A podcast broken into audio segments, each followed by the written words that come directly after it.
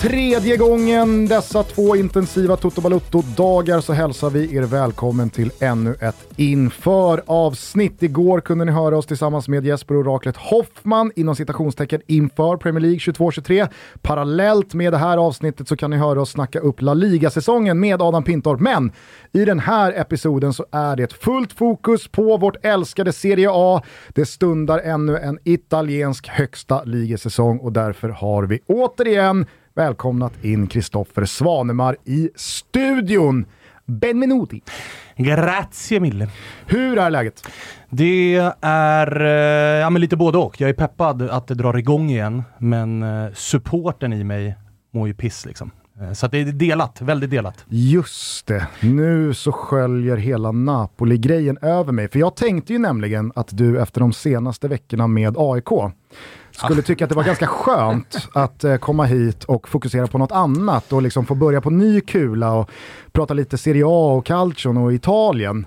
Eh, men så påminner du mig nu ja om att det är ju eh, minst lika pissigt där som i Ja, alltså jag, jag byter ju ett mörker till ett annat. Det, är- det är ju fyra nyanser av brunt och, och hela den där grejen. Så det, det är ju uh, verkligen, jag har ju gått in i säsongen med större förväntningar på mitt Napoli tidigare. Eh, det här är väl kanske de lägsta förväntningarna de senaste ja, men 10-15 åren man har haft på det här laget. Så att eh, sommaren som Napoli-supporter har ju varit eh, ja, men den värsta jag har upplevt i vuxen ålder. Vi eh, kommer garanterat återkomma till det alldeles strax. Vi ska bara säga det att Serie A drar igång på lördag 18.30 då de regerande mästarna Milan välkomnar Udinese till San Siro. Thomas Wilbacher, jag misstänker att du är aningen lite mer peppad på Serie A-säsongen som ska rulla igång än kanske Premier League och La Liga, eller?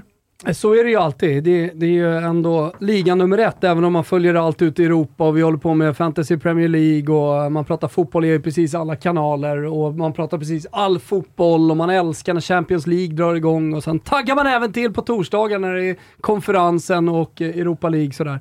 Eh, men eh, det är klart att eh, efter Cagliari Perugia på Sardegna Arena. Eh, hjärtat klappar till lite extra nu när eh, Serie A drar igång.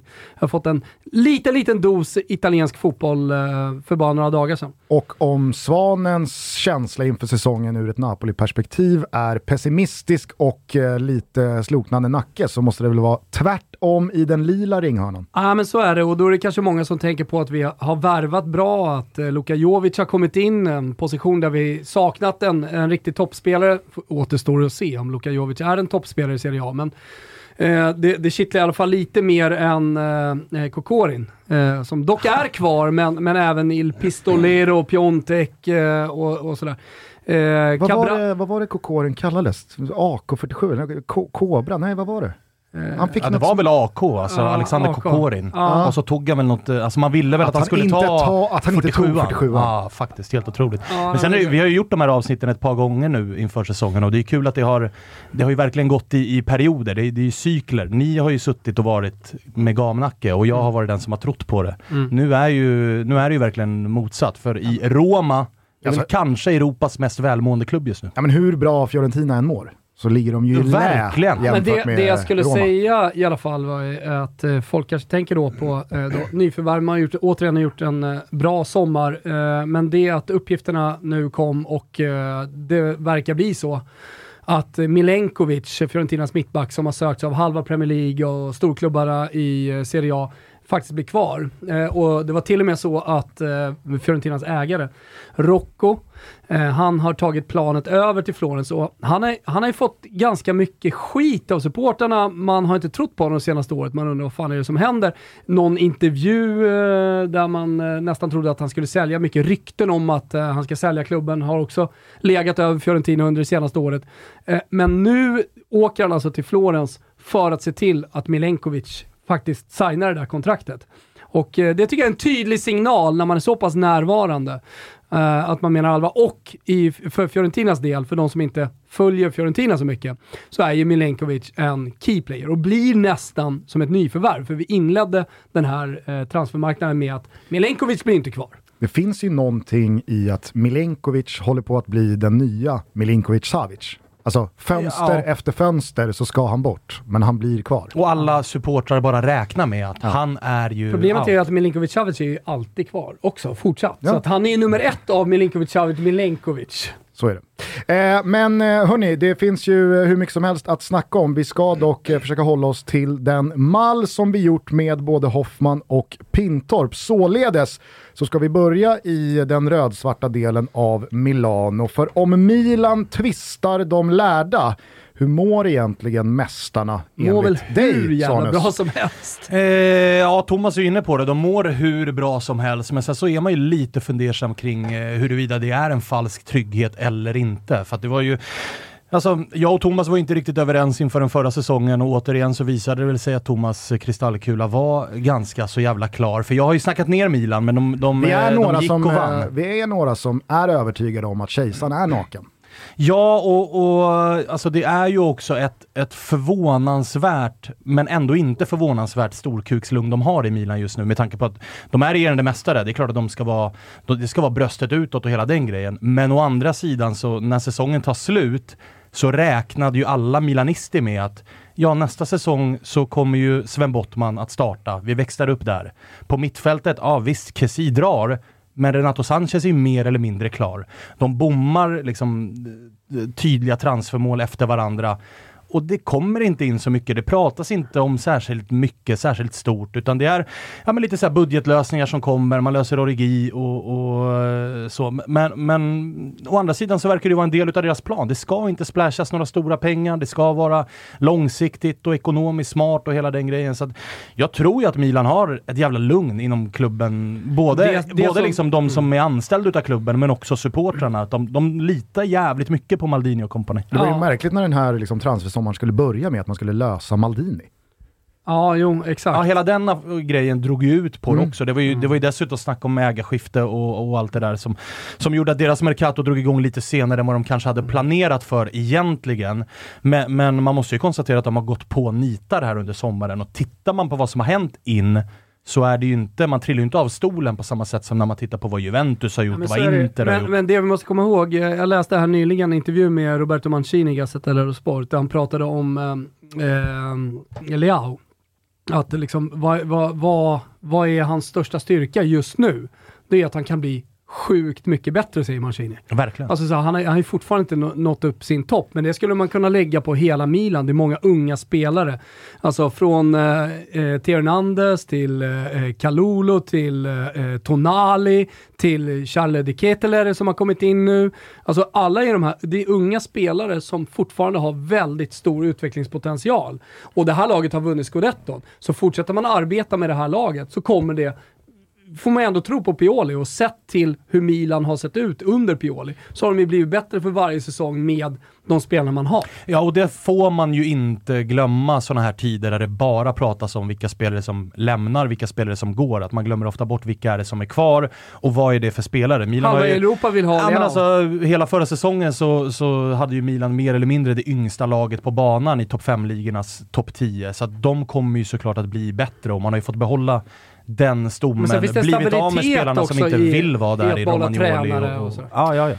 Det Så de, mår- de mår bra. Det De mår bra. känns eh, bara kort som att vi har fått eh, en, eh, en ny vattendelare rent uttalsmässigt eh, på halsen i då, jag säger ju de Ketelaere. Ja. Men eh, alltså, han är också från det diffusa, pittiga landet Belgien. Ja. Nej men Alltså, jag har ju bara hans video som han gjorde när han presenterades, eh, där han säger Charles de Ketelaere. Det Och jag är- kommer nog köra de Ketelere för att Ja.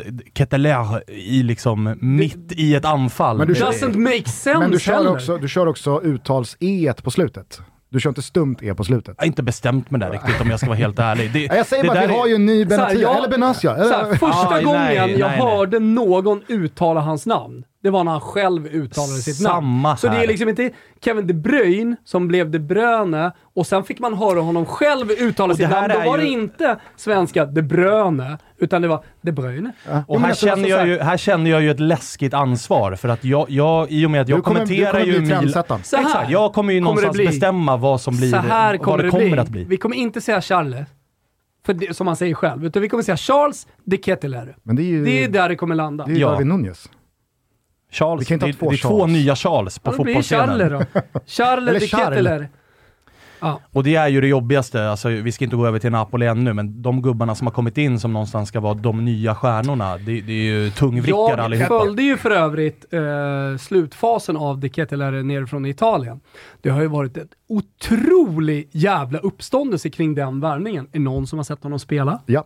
Han, men eh, ingick ju, han ingick ju i den otroliga grupp A i fjol i Champions League, alltså Ja. med Leipzig. Jo men PSG. Eh, PSG och tänkte du Manchester då City. på vad fan är det där för gubbe? Nej. Ja, men alltså, han, ingen i de där eh, lagen stack ju ut sådär jättemycket i, i någon av matcherna. Nej. Eh, det, och det var väl inte så konstigt med tanke på motståndet. Men är det någonting man har lärt sig nu så är det väl att han kommer vara hur bra som helst. Alltså kolla på hur bra Pierre Kalulu var förra säsongen som hämtades från Lyons Ah, B-lag nej. och så ett år senare ingår i Serie A's bästa mittlås. De är ju otroligt skickliga och går ju mer eller mindre i bräschen, i alla fall med Serie A-mått mätt, så går ju Milan i bräschen för att scouta spelare som är inte särskilt mycket på andras radar. Så att det där får man ju ändå räkna med att det kommer bli bra. Får jag bara avslutningsvis här på Charles de Ketelaere, som jag kör på, eh, alltså rent uttalsmässigt, säga det. Kanske värt att påminna folk om att, alltså, att en spelare själv säger att så här uttalas mitt namn i Nej, mitt det hemland, det är inte ett facit. Alltså, Nej, för om, alltså- det ska, om det ska gälla för Men det danskar finns och brassar Radiosportens och, uttalsguide och den är bara att följa. Då är det Charles de Kettelare. ja. Vi får se. Anywho, alltså, bara för att någon, någon kommer ju hänvisa till det Thomas pratar om, någon video där han själv uttalar sitt namn. Det är liksom inte att gå på knockout gentemot Vi mig. fattar, vi behöver inte ta det mer. Känslan är i alla fall att du och jag Gusten som kommer göra många, du kommer vara programledare och jag kommer kommentera matchen. Vi Ja. behöver ju någonstans sätta oss komma överens här du och jag känner jag. Alltså, nästan alla har ju hoppat ur De Bruyne-båten och Ja. kör De Bruyne nu. Men jag sitter kvar. Ja. Jag med. Mm, Jag bra. med. Eh, hur som helst, folk som undrar. Från Klubb Brygge, och där kanske folk vill köra ett annat uttal på Brygge också. ja. eh, 14 plus 8 i den belgiska ligan. Eh, så att eh, det, det finns ju någonting eh, som Milan har värvat in här. På en position, nummer 10-positionen alltså, precis bakom Giroud, eh, där man faktiskt har saknat en toppspelare. Ja, för Brahim Diaz blev ju inte den toppspelaren. Han kanske kan bli det en vacker dag, men förra säsongen var det ju svagt och det blir det hattades ju något rejält bakom eh, Giroud och de gångerna Zlatan var inne. Förutom till vänster där det var Rafael Leao hela säsongen. Så Det som de, de är ändå, det är ändå en mig. förstärkning. Det som dock förvånar mig det är att man inte har förstärkt eh, höger yttermittfält. Eller. Jättemycket. För d- där, där har det varit Sälemäkers eh, och sen så har det varit Castillejo. Eh, det har varit lite olika gubbar som har snurrat på den Och positionen. Messias. Och Junior Messias som man faktiskt har gett nytt förtroende och förlängde avtalet med, eller gav Ja, ytterligare köpte ett ju, år. köpte ju loss va? Ja, det är så Ifrån gjorde. eh, Crotone. Men det är, också, det, det, det är också så tydligt att lös, alltså man ska prata kikarsikte på ett scudetto-vinnande Milan som ska in och spela Champions League med lite förväntningar på sig. Alltså lös en toppspelare där ute till höger så har ni löst mycket. Jag eh, vill bara liksom filtrera ner det här om Yes. jag då ska eh, spela lite djävulens advokat. För det jag ändå försöker antyda här och det jag vet att du också har dina eh, tankekval gentemot, det är ju det här att, alltså jag säger inte emot Thomas när han säger att Milan såklart mår jättebra. Alltså det var ett lag som fullt rättvist vann Serie A i fjol mot väldigt hård konkurrens. Men det är också ett Milan som kanske inte har växlat upp på det sättet man trodde, som du var inne på här under transfermarknaden. Det är också ett Milan som i all önskvärd tydlighet visade att man håller inte mot de bästa lagen i Champions League. Man kan heller inte klara av att göra sig gällande i Champions League parallellt med att eh, som fortsätta vara i toppen av Serie A. Dessutom så var det ju ett Milan som under ganska lång tid i fjol, också i förfjol, hade ja, men, lite marginaler på sin sida. Sen så vill vissa milanister mena på att det där är liksom en sanning med modifikation. Över 38 omgångar så gick det jämnt ut. Jag håller inte riktigt med. De flesta expected goals, expected points pekar ju på att Milan fick väldigt, väldigt bra utdelning. Sen är jag den första att lyfta på hatten för hur Pioli fick ihop det, pannbenet man visar när man var jagade och hur man fick ihop slutspurten med segrarna man radar upp. Men jag vill ju tro att det är ett Milan som inte känns rustade för att dels försvara ligatiteln parallellt med att man ska konkurrera på ett helt annat sätt i Champions League den här säsongen. Dessutom då med galjonsfigur Zlatan Ibrahimovic borta i alla fall första halvan av säsongen. Ja, och allt det där skriver jag under på. Alltså, jag håller med till fullo om att Milan vinner förra säsongens scudetto rättvist, men man gör ju också... Milan gör ju det typ som förväntas av dem och lite till det kan man ju inte säga om någon annan utav toppkonkurrenterna. Det var ju snarare att Napoli, Inter, Juventus de underpresterar ju. Jag Samtidigt, tror alla ja. de klubbarna känner, både supportrarna, ledningen, spelarna känner att vi underpresterade. Det här är en icke godkänd säsong. Så då räckte det för Milan att vara så bra som man kan vara och så går de och vinner.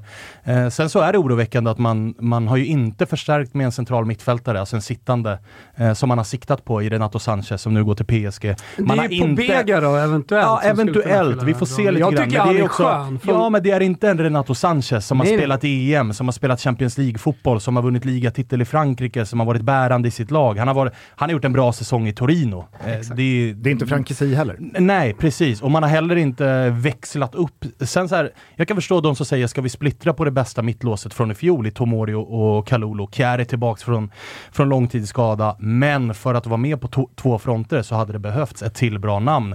Absolut. Och än så länge har det inte kommit in någon ny mittback. De två stora transfermålen var mittback och central mittfältare. Det har inte kommit in. Vi får se vad som händer händer innan fönstret stänger. Skulle det komma in förstärkningar där, då är jag kanske beredd att revidera åsikten, men just nu håller jag absolut inte Milan som favorit att försvara sin titel. Nej. Nej, och jag menar, alltså, nu har vi rabblat eh, flera av spelarna i Sälemäckers, eh, i, eh, alltså, där, där Junior Messias, Rade Kronic, Ante Rebic. Alltså, habila spelare, absolut. absolut. Ja, ja, ja. Men jag ser inte Milan göra om en scudetto-seger som, samtidigt som man också då ska göra sig gällande i Champions League. Jag gör inte det. Nej, och där är jag med. Men jag skriver under på att Milan såklart mår bra. Konstigt vore det väl annars. Ja, och man kan ju mer eller mindre i alla fall lämna garanti på en topp 4 och det har ju snarare att göra med konkurrensen skulle jag säga. De eh, som man enligt Gazettan i alla fall går för just nu är Diallo från PSG, Tanganga från Spurs, eh, Sar från Spurs, eh, Onana från Bordeaux. Alltså det är inga inga megaspelare som Nej. är liksom må målsättningen här. Alltså, De Ketteler var ju det stora. Det var liksom det som skulle komma. De Ketteler? Nej, det, det, kan det omöjligt vara, för det är någon slags franskt uttal och det, det, det går ju liksom rakt emot precis allting, så det kan du faktiskt inte säga. Det måste ju fortfarande vara holländska. Fransk farsa? Nej. Morsa? Nej, vänta, så jag, vänta, vänta, vänta, han är ju belgare. Ja. Ja, då är det framländska. Varför säger jag Holland hela tiden? Ja, jag undrar jag också. Jag undrar också. Kanske Gustav som har rätt då ändå. Flög från Skippol här eh, nyligen. Ah, ja. Eh, vi är väl i alla fall överens... Växte ju eh, Hollandshatet. Vi är i alla fall överens Och om med att... Hollandshatet växte också Belgienhatet. Vi är väl i alla fall överens om att Milan 1 mår bra, Milan 2 absolut kommer vara med i toppstriden den här säsongen också. Men hur många lag utmanar om ligatiteln?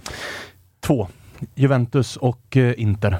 Eh, vill man vara snäll så kan man väl skohorna in Roma där med tanke på hur bra de mår just nu. Men det är också väldigt mycket som ska, liksom stjärnor ska stå rätt för att Roma verkligen ska, ska blanda sig i eh, en scudetto-strid redan de nu. De gör ju ett försök i alla fall att Såklart. vara med. Med Hoffman eh, här tidigare i veckan så pratade vi om eh, att vara med till 30 omgången. Jag kan absolut se Roma ja, vara med till 25-30 eh, omgången. Eh, om, om man får ihop det här. Det som jag tycker imponerar, vi kommer väl till Roma, men det som imponerar är ju bredden som man har. Alltså egentligen nästan bättre bredd än Milan. Jag tycker också att eh, en, en, enorm faktor eh, som talar för Roma i ligatoppen är ju att de inte spelar Champions League. Alltså, man har vunnit Conference League. Jag tror inte att José Mourinho gör sådär jättestort nummer av att vi ska vinna Europa League. Det spelar inte så stor roll tror jag eh, om man eh, vinner Europa League, om man går till kvartsfinal eller om man kanske åker ut i en 16-del redan. Jag tror att man kommer rotera friskt i gruppspelshösten. Och det är jag ganska säker på också. Och att man då kan ställa ut sin gala-elva i i princip varenda ligamatch. Till skillnad då från en del andra eh, klubbar där uppe i toppen som snarare kommer ställa ut sitt bästa lag på banan när det vankas Champions League. Ja, och den är, jag, den är jag helt med dig på. Det, det, är en tydlig fördel. Men sen ska man ha med sig också att det, det är Paolo Dybala som kommer från en, två, tre säsonger utav ganska mycket skador, ganska mycket hack. Wijnaldum hade en tung säsong i fjol. Matic behöver man också någon form av upptidningsfas. Det är ganska mycket som är nytt som ska in i den där elvan.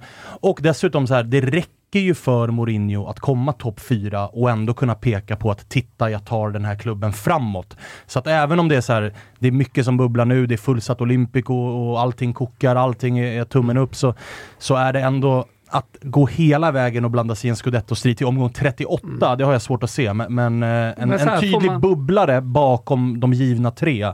Den tydligaste bubblaren bakom de givna tre Får man vara skadefria, då ser de absolut vara med och kriga om scudetton ganska långt in i alla fall. Eh, vi får heller inte glömma bort att Spinazzola kommer in som ett nyförvärv till den här säsongen också. Ja men på tal om att tina upp och det, han har varit borta länge Exakt. och han kommer inte vara i sin Men får man igång allt det här och man har kvar Sagnolo i eh, det här laget.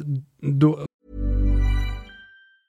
Hey, I'm Ryan Reynolds. Recently, I asked Mint Mobile's legal team if big wireless companies are allowed to raise prices due to inflation. They said yes. And then when I asked if raising prices technically violates those onerous two-year contracts, they said, "What the f*** are you talking about? You insane Hollywood ass."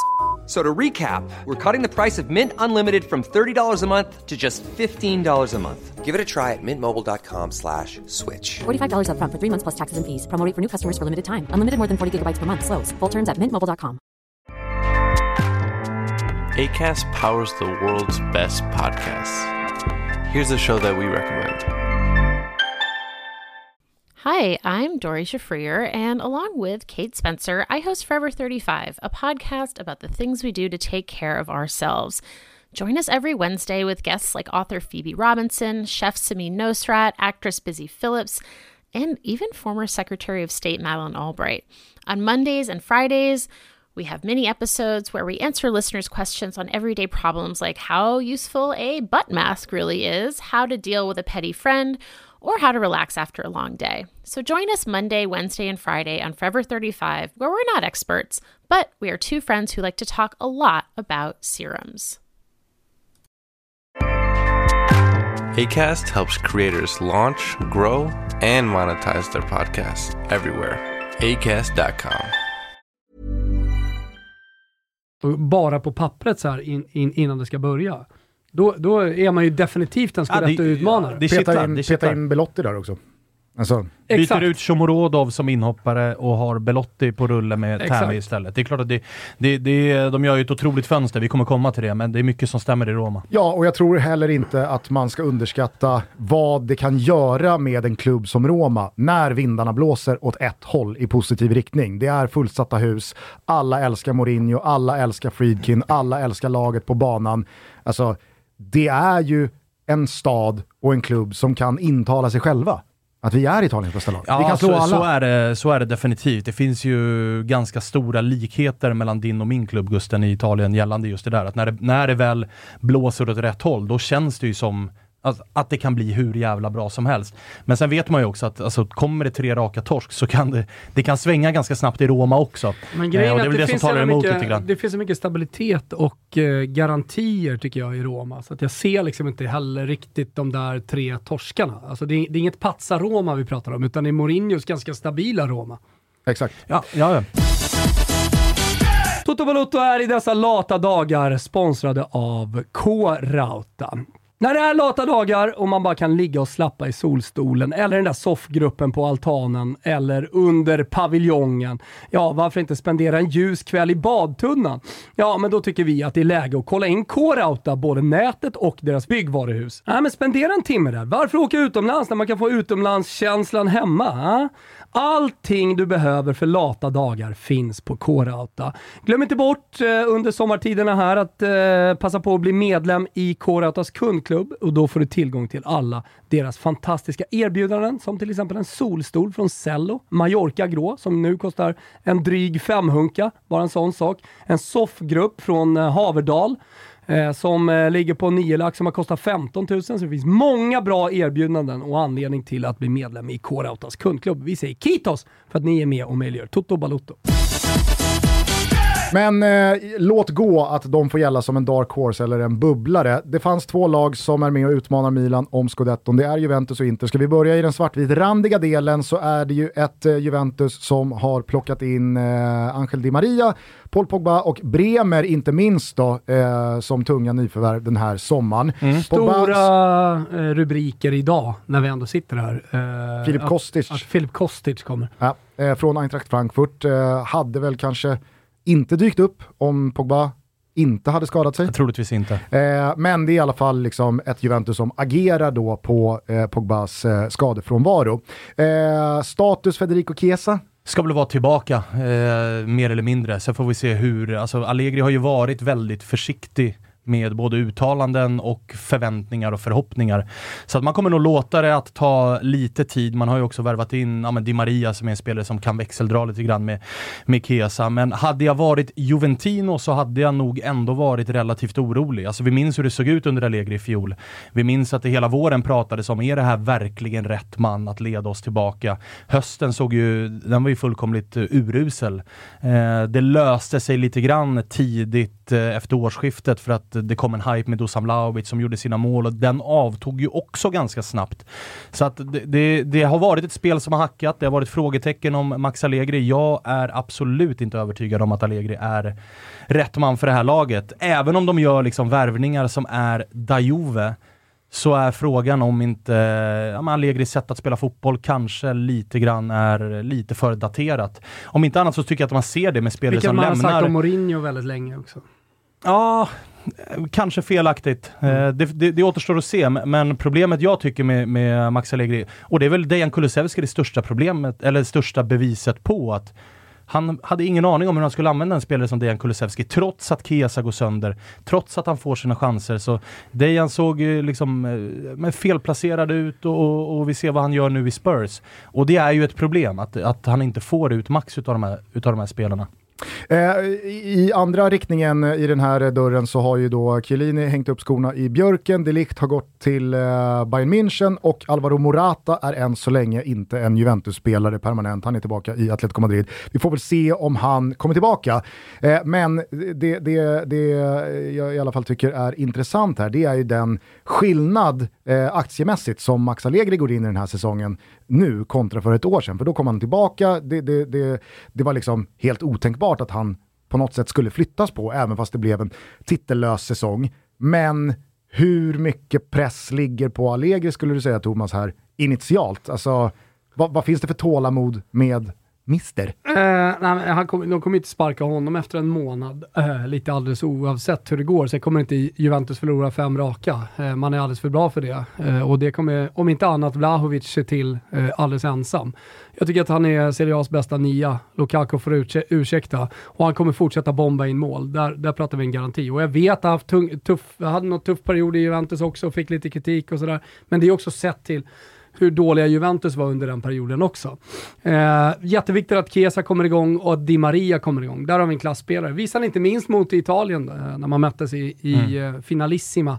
Eh, så det ser jag som en jättebra värvning. Problemet med Juventus, som jag, egentligen det stora problemet, det är inte Eh, en vice Vlahovic, jag vet man har problem med Kino till exempel. Återigen, vad fan ja. ska man göra med honom? Jag tycker i det här läget att liksom, sälj honom, även om det är billigt och sen tar ni in någon annan. Eh, men eh, eh, det, det, handlar egentligen inte om att eh, ja, men så här, Bremer, folk känner till honom riktigt, kommer från Torino, även om vi hypar honom. Kan ju tyckas ja, vara en värvning. Det är som, som man snor framför Absolut. Inter också. Så ja, det, som man snor framför, exakt, men problemet är ju på centralt mittfält. Verkligen. Att man, in, alltså såhär, ja men då har vi värvat Pogba. Jo men man behövde någonting mer. Inte bara Pogba. Okej, okay, kommer Filip Kostic, men... Och där springer det dessutom runt spelare, alltså det har ju varit kritik mot Allegri, absolut, men det har ju framförallt också varit kritik mot den sportsliga ledningen som inte har ja, men lyckats eh, plocka in det man vill ha, men kanske allra främst göra sig av med spelare som inte är tillräckligt bra. Alltså Artur är fortfarande en Juventus-spelare, Rabiot är fortfarande en Juventus-spelare. Alla vet att de här har ingen framtid i klubben. Rabiot är väl startspelare? Ja, men precis, och det säger ju det mesta. Eh, Även det... om Pogba spelar, typ? Ja, mm. Eh, och så där finns det ju fortfarande märkligt nog jobb att göra för en klubb som, som Juventus. Jag kikar här på Juves eh, inledande spelschema och fattar ju direkt att det är nio poäng första tre. Sassuolo hemma, Samp borta, Roma hemma. Så står de där med tre raka och man känner, varför tvivlade jag? Ja, ja men, Sju, ja, men sju lite garanti, så. sju, garanti på sju i alla fall. Ja, det kan vi nog säga.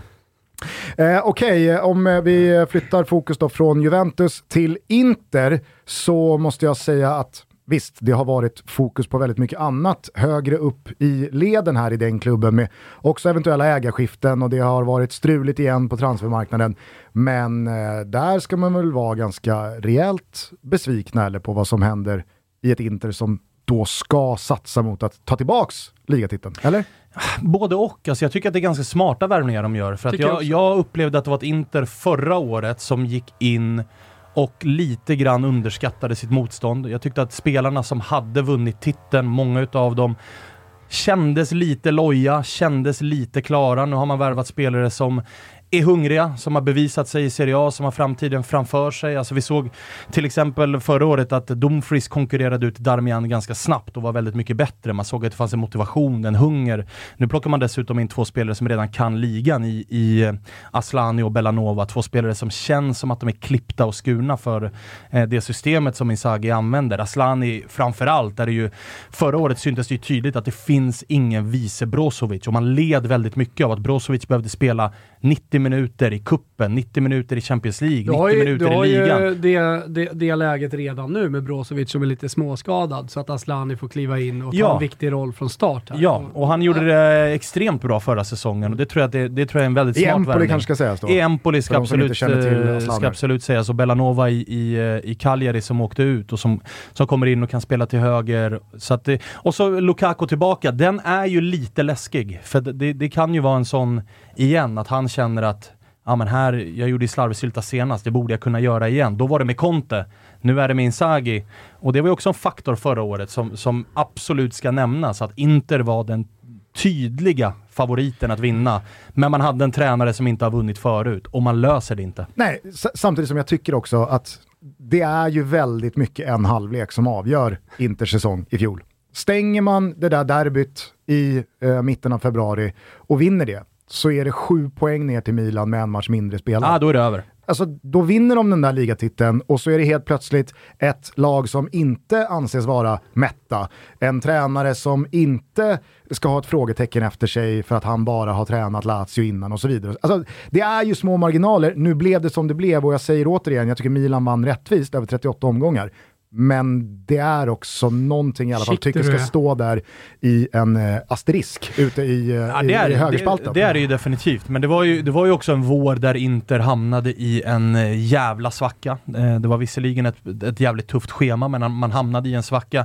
Vi minns också den där hängmatchen borta mot Bologna, där Jonot Rado, målvakten, tavlade in en boll, men det är också en match där Inzaghi fick väldigt mycket kritik för hur han bytte, hur han formerade lag och han fick en del kritik under förra året i, i just de frågorna. Så att det är lite upp till bevis för, för Inzaghi, men jag tycker att Mercato-mässigt så har man gjort smarta värvningar. Och viktigt eh, också med Milan Skriniar som... Eh, Ja, han blir kvar, eller? Nej, det vet vi inte. Eh, vi får väl se. Men eftersom Fiorentina signar Mil- Milenkovic med största sannolikhet här i, i dagarna, då försvinner e- e- ett av de stora liksom, målen eh, vad det gäller en vice, vice Skriniar. Eh, Ja, och tanken var ju att plocka in Bremer och sälja Skriniar i så fall. När Bremer går till Juventus, då vart det väl mer eller mindre stängd dörr för, för Skriniar att Men- lämna. ja, och man, man har ju börjat så i den moderna fotbollen, att man börjar sätta liksom, deadlines till agenter och till spelare. Att ja, nu på fredag den eh, 13 augusti, då, då stänger vi 12 augusti för övrigt. Då stänger vi, då kan inte du gå efter det.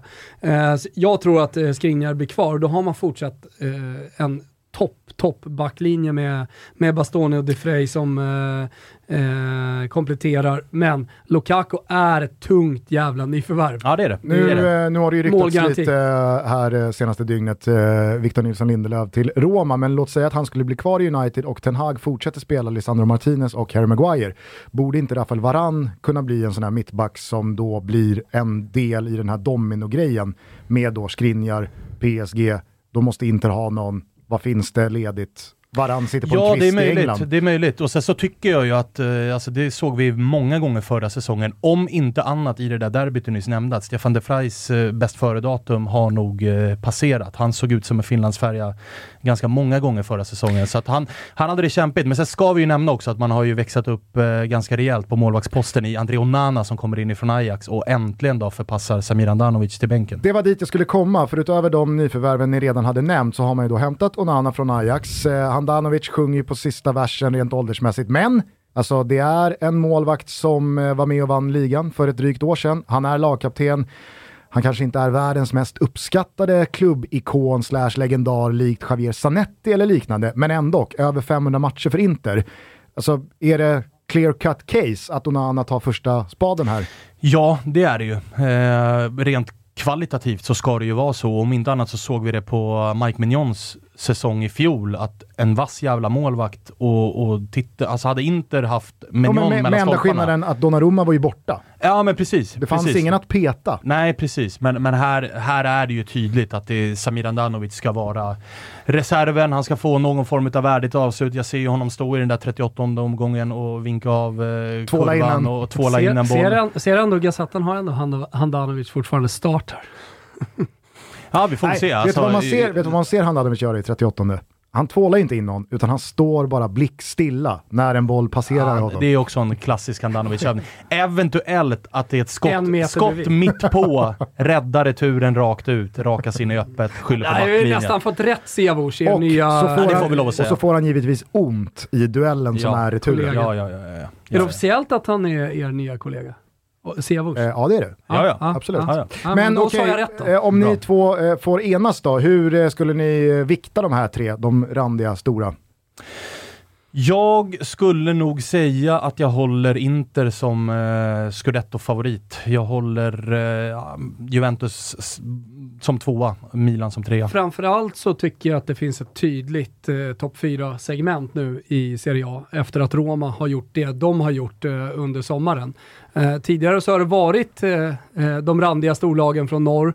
Eh, det är de som har satsat. Och Så här sen- Thomas, du håller parallellt med vad Roma har gjort så har ju Napoli gjort det Napoli har Exakt. gjort. Så därför ja, har topp fyran blivit De, tydlig. de, exakt, de, de, de har liksom straffat bort sig själva. Så precis, eller bakom då, så finns ju ett, ett splittrat Napoli kvar som kan ta en femteplats. Eh, det är eh, ett Fiorentina som satsar, men som vi inte vet om Fan, blir Golini verkligen så jävla bra i mål eh, som vi i Fiorentini hoppas att han ska vara? Dodå på högen, ja, liksom, hur stor skillnad ska han göra jämfört med Odriozola? Och så då Luka Jovic som inte har spelat speciellt mycket fotboll de senaste åren. Det är klart Napoli kan eh, komma före eh, Fiorentina i, i tabellen. Så jag menar bara att det har blivit tydligt att det är en topp fyra. Jag tycker också att det på ett ganska tydligt sätt känns som att Atalanta har gjort sitt i topp 4-racet. Ja, Men med det sagt eh, så ska jag också säga att det är jävligt svårt att placera de här fyra lagen var de hamnar. Och så tycker jag inte riktigt det har varit tidigare. Alltså inför så, förra säsongen så var ju Juventus, eh, Inter, det var ju liksom de som skulle göra upp om det. Mi, tyckte alla.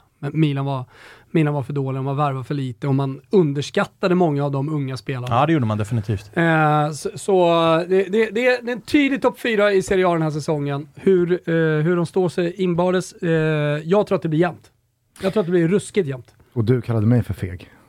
Ja, men eh, det, det, är väl, det är väl någonting att säga också. Att, eh, De tre randiga topp tre. Ja, men Ro- Roma är med länge. Det är väl inte fegt att säga. Av alla värvningar som gjorts eh, till eller inom Italien i sommar, vilken är den bästa värvningen?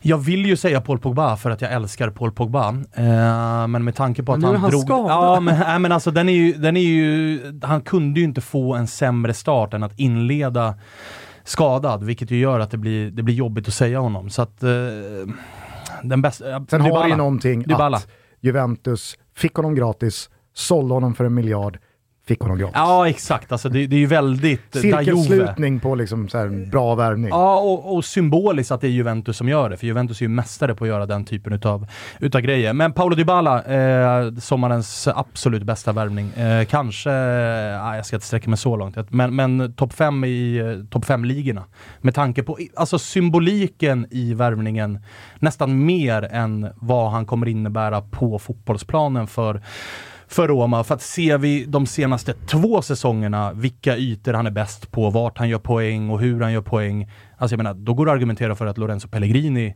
den spelaren finns redan där. Som gör mål, som gör assist, som bombar in frisparkar, som är finurlig på, på, på trekvarts position och hela den grejen. Det, det är ju lite samma spelare, men den ena är högerfotad och den andra är vänsterfotad. Men symboliken i att Roma plockar Dybala och man gör det mer eller mindre med retoriken att det är tack vare Mourinho och den luften det ger under Romas vingar. Eh, den ska man inte underskatta. Så att Dybala sommarens bästa.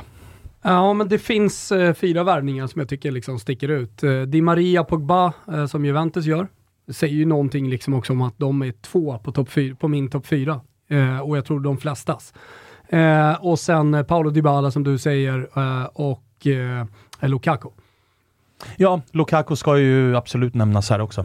Sen eh, liksom bakom det, om man kollar på lagen som också förväntas komma precis där bakom, så har du Luka Jovic, eh, du har eh, Kvaratskhelia till eh, Napoli, Mm. som liksom min och Gustens gubbe från en kvalmatch mot Georgien, eh, har hängt med oss länge.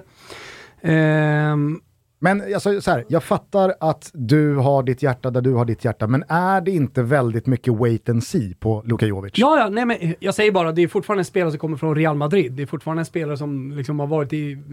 Liksom, Jo, alltså Borja. Majoral kom också från Real Madrid. Ja, fast inte riktigt med samma, eh, med, med samma shining. Nej, men sen så ska det ju också- det ska- Jag ju säger bara också- där bakom, eh, och det kanske säger någonting om Serie A. Vad är det för värvningar som gör som det- jag tar upp liksom bakom de här? Det ska ju nämnas på sättet i så fall Luka Jovic värvas, att alla tror att det är ett lån. Fiorentina har ingen... Det, vi ska låna in en gubbe som ska bomba mål, sen ska Real Madrid liksom få cashen när han säljs och så visar det sig att vänta nu, Fiorentina får honom gratis permanent. Då får man ju värdera övergången på ett Ja, absolut. annorlunda sätt. Ja. Liksom. Eh, och så är det- vet vi inte, Dick Ketteler, vad, vad, ska, vad, vad ska det bli av honom? inte. Kanske är visar sig att det är han som är Hör, liksom den hörde vi stora... lilla, lilla, lilla förändringen? Dick Ketteler? Nej, jag, jag tyckte att Men du- ibland går det ju snabbt när man säger Dick Ketteler. Och då eh, liksom, är du med? Ja. Dick Ja, ja, ja. Ja, ja, jag kommer- jag det- kommer få kämpa här. den, den, den finns definitivt inte. Eh, det och någon- sen orkar man ju liksom inte gå till Blanka Vlasic brorsa till Torino, liksom, från West Ham, sådana där grejer. Ja, det förstår jag verkligen. Men är det någon annan värvning eh, bakom de här som Thomas har nämnt som du tycker också ska nämnas som en bra värvning som du ändå har noterat och tycker är... Alltså, det är väl inte helt fel att prata om Albin till Spezia som en bra värvning av en sån klubb? Alltså, Ja, nej, alltså det, det, de behöver ju få in den rutinen på det där mittfältet, så det, det är klart att det är... Fina Mattia Destro i Empoli kan ju nämnas, eftersom många Det- känner till ja, Mattia ja, ja. Destro. Ja, ja, och det är ju såna här klassiska övergångar. Alltså klubben åker ur och så kommer någon och snor deras skyttekung och hela den grejen. Men i övrigt så är det ju väldigt mycket spelare som är, man får se lite grann. Jag tycker Lazio gör en spännande värvning. Jag kommenterade en del Shakhtar i Champions League. Marcos Antonio på centrala mittfältet som ersätter Lucas Leiva. Det är en brasse ut på det sittande mittfältet som är ja, men, nära pension i Lucas Leiva. In med en yngre och Lazio blir ju som vanligt alltså en, en, en dark horse där uppe. Jo, jo. Men de ska alltså jag säger inte att de kommer komma topp fyra, men de har fått jobba väldigt mycket sex. i det tysta. Och det här är trots allt Sarris andra år i laget. Det ska bli intressant att se ja, vad... och sen så vad- finns, alltså, det finns ju ingenting som talar för att Chiro Immobile gör färre än 27 mål. Exakt. Nej. Och med de 29 så är det väl klart, då- alltså, så här, Så de kommer det ju är vara Filippe där. Andersson, han har ju det viss garanti, lite samma, garanti. lite samma som vi sa att Milan mådde bra för att man har fått behålla väldigt mycket. Lite samma sak med Lazio som har fått behålla sina nyckelspelare. Eh, Men det har man ändå har fått varit tillbaka... mycket negativt kring Lazio Ja, under den här exakt. sommaren. Ryan Reynolds here from Mint Mobile. With the price of just about everything going up during inflation, we thought we'd bring our prices down. So to help us, we brought in a reverse auctioneer, which is apparently a thing. Mint Mobile unlimited premium wireless. Ready to get 30, 30, bit to get 30, bit to get 20, 20, 20, bit to get 20, 20, bit to get 15, 15, 15, 15 just 15 bucks a month. So, Give it a try at mintmobile.com slash switch. $45 upfront for three months plus taxes and fees. Promo for new customers for limited time. Unlimited more than 40 gigabytes per month. Slows. Full terms at mintmobile.com. Man, jag kollar på det där laget och känner bara topp 6. Va, va, problem. har de värvat någon ny mittback? För att de har väl tappat... eh, Romagnoli. Romagnoli, Just. är ju Romagnoli Acerbi i mittlåset. Så att det, det, det är väl inte helt fel. Tror Acerbi ska lämna. Jag De har ju värvat Casale också. Jag tror att de gör klokt i att inte stå Verona. allt för högt med Acerbi och Nej, Romagnoli. så är det. Så där kan det ju bli en, en, en eh, jävla rolig krock då med Sarris sätt att spela fotboll. Verkligen. Och så två traktorer där bak. Ja, herregud. Det är Värtahamnen centralt på egen planhalva Ja, i, i däremot Lazio. så tror jag, alltså alla pratade ju om att när Sarri var i... Hej! Då springer vi bakåt. Åh, Nej, men när, när, hej! när, eh, när Sarri var i Juventus pratade man ju väldigt mycket om att han behöver en Jorginho-typ. Att det var den som, han är spindeln i nätet. Det tror jag att man kan ha fått här i, i uh, Shakhtar-värvningen Marcos Antonio. Så det, det, det blir spännande att se. Eh, vilket lag tycker du då kollektivt har gjort det bästa respektive sämsta fönstret? Är ju väldigt, väldigt, väldigt enkelt att svara på. Roma har ju gjort det absolut bästa fönstret sett till spelare som man vet är eh, ja, men mer eller mindre garantispelare. Det är inte så mycket kanske och om och, och hela den grejen. Man har dessutom, det ska man ju värdera också, alltså utfönstret. Man, man har ju sålt väldigt mycket spelare, man har fått in bra med pengar för de spelarna. Eh, Ja, spelarna man har tagit in har inte kostat eh, speciellt många kronor nej, i så det, det, det är smarta värvningar, det är värvningar som verkligen vill vara i Roma, är känslan, som, som inte kommer dit för att de har blivit eh, så här, supernobbade någon annanstans eller det här var sista alternativet och ja, jag går väl dit då. Det är heller inte som, som man försökte göra under Monchi och värva ja, men de här Klöivert och, och Cengiz Ynder och varenda spelare var likadan, bara med ett annat namn och hoppas att det här kan bli bra om fem år. Utan det är spelare som ska vara bra här och nu och det syns ju på alla bilder vi ser från Dybalas mottagande, från genrepet, från hela den grejen. Att det, det är ju det här fönstret plus Mourinho. Det är, det är en klubb som bara mår fruktansvärt bra. Eh, att bakom då det stora och toppen och alltihopa så gör ju Monza med Berlusconi och Galliani en helt sjuk värvning i sommar. Men Ja, det kan vi återkomma till. Ja, men eh, du kan väl bara då eh, Nej, men- rabbla lite snabbt och då, då, som kanske vissa, ut. då kanske vissa tycker att så här, vad är det där för spelare då? Men eh, jag vänder mig För till Italien. Monza. Jag vänder mig till Italien-runket och säljer, säger att de ska ha Cranio i mål, eh, de ska ha Ranocchia i mittlåset, de ska ha Pessina, de ska ha Stefano Sensi, de har eh, värvat Caprari och så vidare. Och så vidare. Alltså det, Petagna kommer ju nu också. nu kommer Petagna in, alltså de har ju värvat eh, Serie A-erfarenhet, hur mycket Serie A-erfarenhet som helst. Mm. De har ett, nu, nu ska de ju bara få till det här, eller eh, Stroppa, tränaren, ska få till det här. Men det, det, det är ett jävla liksom, nykomlingsgäng som, som dyker upp där. Toto Balotto är sponsrad av Circle K, ledande på förnybara drivmedel och med en tydlig ambition att göra stora skillnader längs vägen mot ett fossilfritt Sverige. Redan idag är till exempel var fjärde liter som tankas hos Circle K helt förnybar och deras laddplatsnät i Sverige, ja det byggs ut ultrasnabbt. Allt för att matcha takten som elbilar ökar i, men givetvis också för att fler och fler ska vilja gå över till elbil och uppleva smidigheten. Deras målsättning är att ha flest ultrasnabba laddplatser i hela landet och det är såklart en ambitionsnivå som vi på Toto uppskattar. Ska man sikta någonstans? Ja, då ska man lika gärna sikta högst upp mot tronen. Vi säger stort tack till Circle K för att ni är med och möjliggör Toto Balotto. Vi säger även tack till er för att ni hjälper alla oss att göra mer hållbara val utan att tappa farten på väg mot framtiden.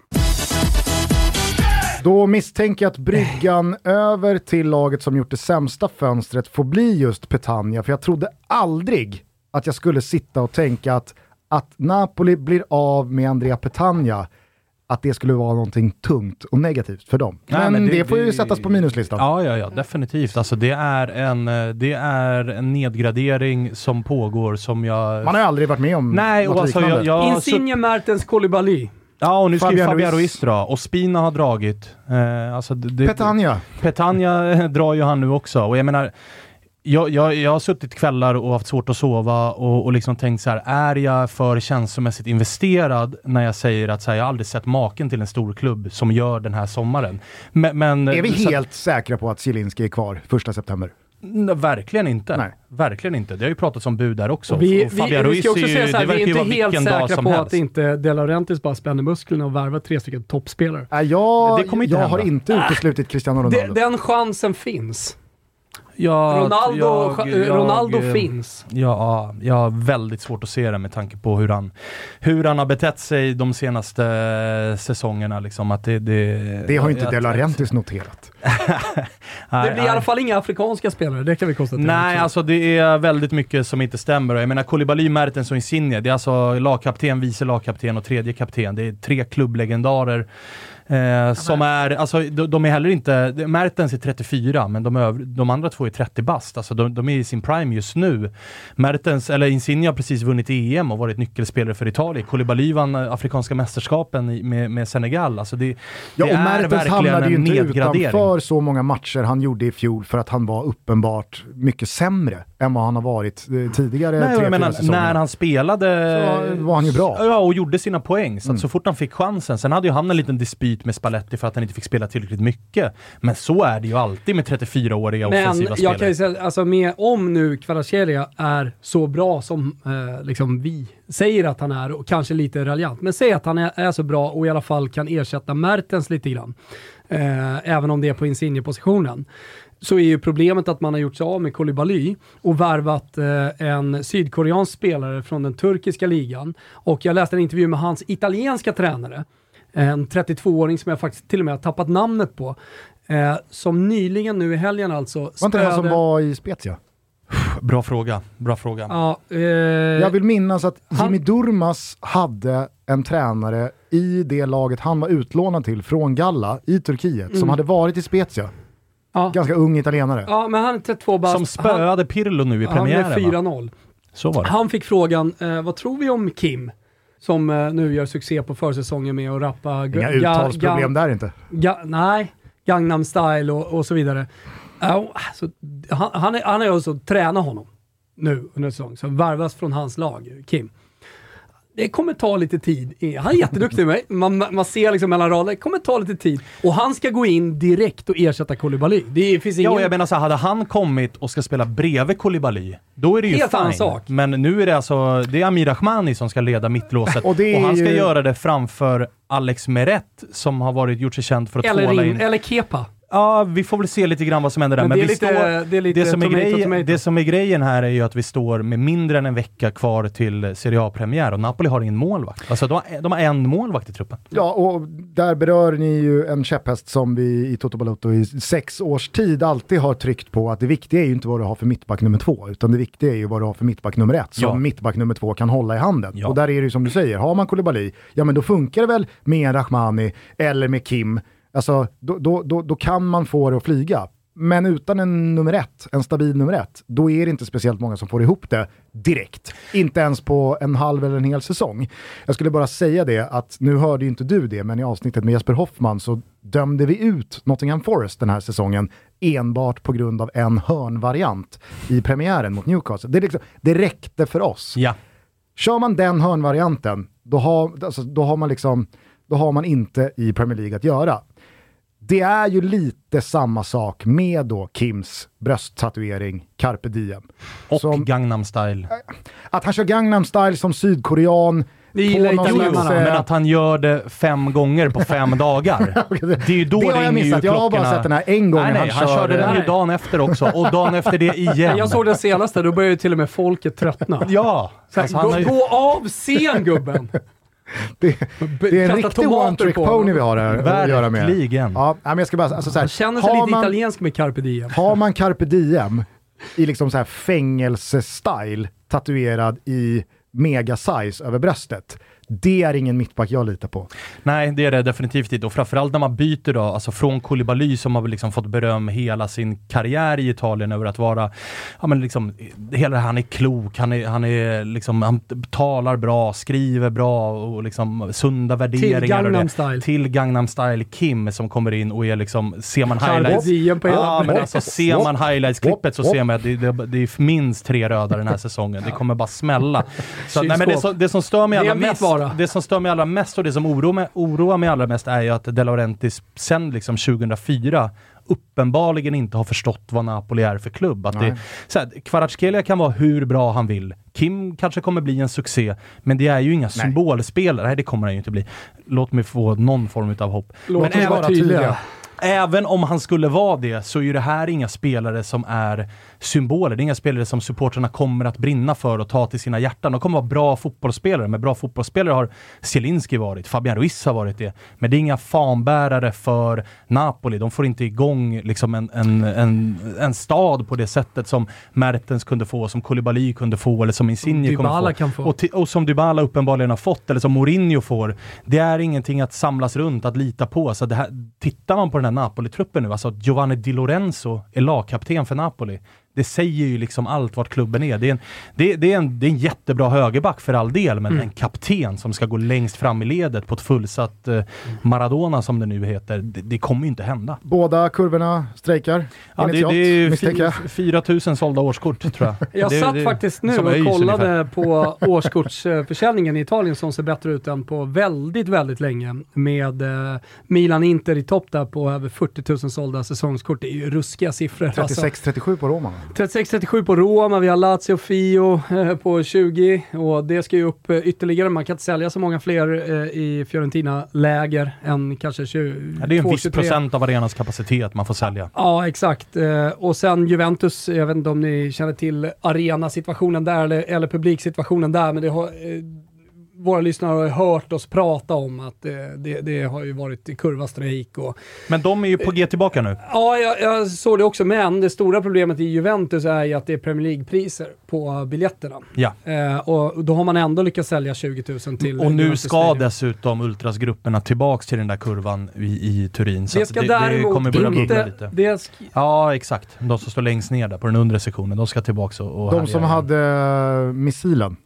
Precis, precis. Och de som strejkade efter att de inte fick gratis plåtar utav klubben och allt vad fan det Ja, var. men det är tufft att vara supporter. Jag såg att Sconvolts, eh, Cagliaris eh, främsta ultrasgruppering, eh, den, de vart arresterade hela kärnligan. 35 pers, flög in med helikoptrar och tog dem och anklagade dem för att ha att göra med maffia. Eh, och jag pratade med lite folk där nere nu eh, i samband med matchen och sådär. Eh, de menar på att det här är bara en markering liksom. Ja. Vi, vi, vi ska bara ha bort dem. Så det är sånt som händer där nere. Och det är Men Napoli då, vad säger uppdaterade siffran där? 4-8 eller 5? Fem. Ja. Men det är väl eh, liksom eh, avrundat uppåt då. ja, det är det nog. Men det är ju trots allt en klubb som ska spela Champions League. Det är en klubb som de senaste 8-10 åren har varit och konkurrerat i den absoluta toppen. Man har haft kon på den där scudetton ett par gånger om. Alltså hur, hur illa kan det gå, känner du? illa. Eh, han har ju uppenbarligen inga sportsliga ambitioner, De Laurentiis. Många trodde ju naivt att sen, okej, nu tog Napoli Champions League-plats. Nu kommer man satsa och börja gå för det. Istället så gör man ju raka motsatsen och säljer ut allt som går att sälja och det som inte går att sälja, det låter man bara det låter man bara gå upp i rök. Alltså Mertens, den lönen Mertens nu får i Galatasaray, jag tror att eh, liksom De Laurentiis erbjöd inte ens hälften utav det. Vilket är liksom, det är ju ett hån mot spelaren Dries Mertens. Samma sak med Insigne som också erbjöds skampengar för att, för att vara kvar. Så att det är ju uppenbart att så här, han är ju också en utav, det måste man ha med sig, att alla andra presidenter i världstoppen, i både Italien men också i de andra ligorna, har ju fotbollen som en sidoverksamhet. Man tjänar ju sina stora pengar på sin andra business. Medan De Laurentiis är ju en utav få, kanske den enda, som har fotbollen som sin primära. Här ska pengarna in. I styrelsen sitter frugan, där sitter sonen. De ska ha sina cash. Så att han använder ju Napoli som, liksom, det här är hans inkomstkälla. Så att går det att tjäna pengar, då är det pengarna som ska in. Men då borde han väl också förstå att eh, en Victor Osimhen i ett lag som ligger och guppar i mitten och som inte gör speciellt många mål och han kanske står på fyra gjorda eh, när det börjar närma sig januari.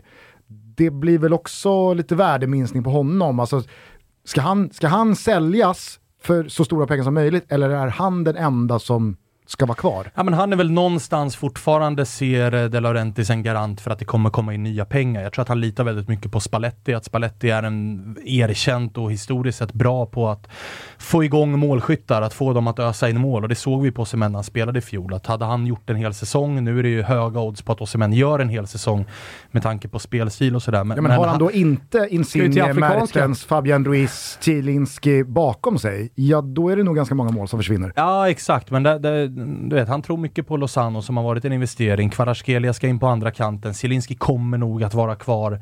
Sen får vi se, Napoli är ju inte klara, vilket, och de är inte ens i närheten av att vara klara. Det kommer ju hända någonting. Nu snackas det Ja, om eller men- Cholito det- Simeone som ska in och det kommer komma någon gubbe till och sådär. Men det är inga toppspelare som kommer in, utan det, det är Simeone, det är Kepa som är liksom eh, prio ett som ska stå i mål. Det, det är en disclaimer som man får ta eh, med alla de italienska lagen, eh, egentligen hela ligan. Att eh, det, det sker ju alltid väldigt mycket de två sista veckorna på, på marknaden. Mm. Nu kommer vi igång tidigt på grund av VM.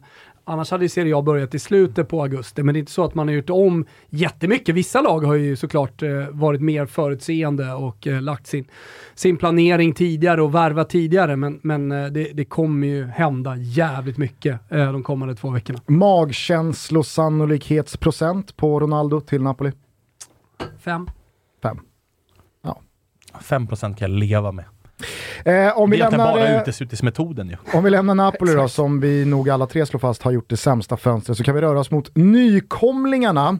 Eh, vi har Cremonese, Mm, det har vi. vi har Lecce, Jajamensan. Ska vi bara spola tillbaka till eh, Cremonese, eh, vad vi sa om dem eh, en gång? ja men det kan vi göra.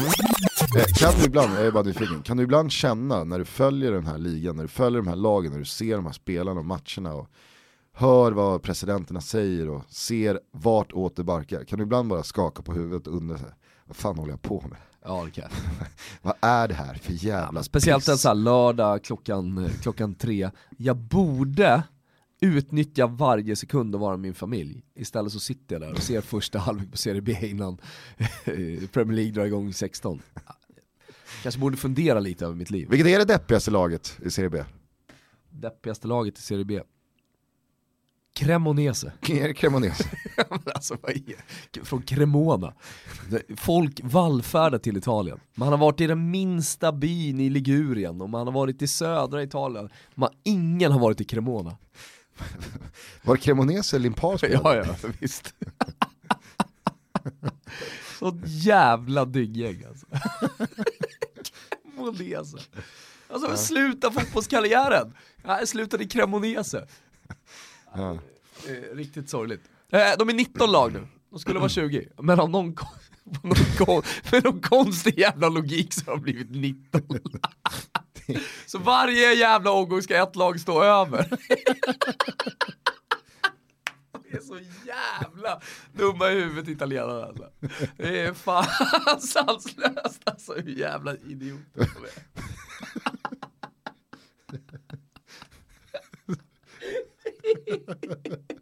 Ett lag, ett lag vilar. Varje helg ska ett lag Det är det bästa de har kommit på. Jävla dårar alltså.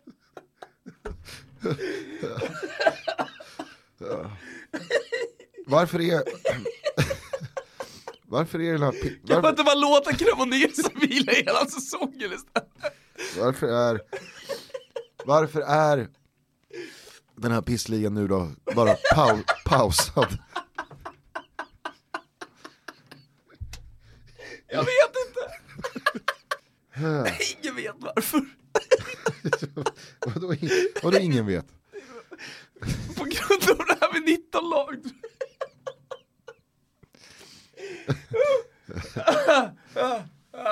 Huh. Ja, för fan. Ta mig upp i Kippa. Härliga tider. Kanske också, det, det var värdigt att spela upp eftersom det idag är eh, Toto Balottos sexårsfödelsedag. Oj, grattis! Grattis, tack. Tack. tack, tack. Eh, nej men och så har vi Monza. Mm. Cremonese, Monza och Lecce. Lecce sålt 20 000 också. Lika många som Fiorentina, Ja, där bubblar det ju. Där Juventus, bubblar det ju och det glädjer mig att de Alltså är ta, uppe. hur mycket vad tar Via del Mare? 30? Ja, där någonstans Ja. säkert. Knappt. Exakt. Men eh, av de här tre, vad, vad, vad kittlar mest?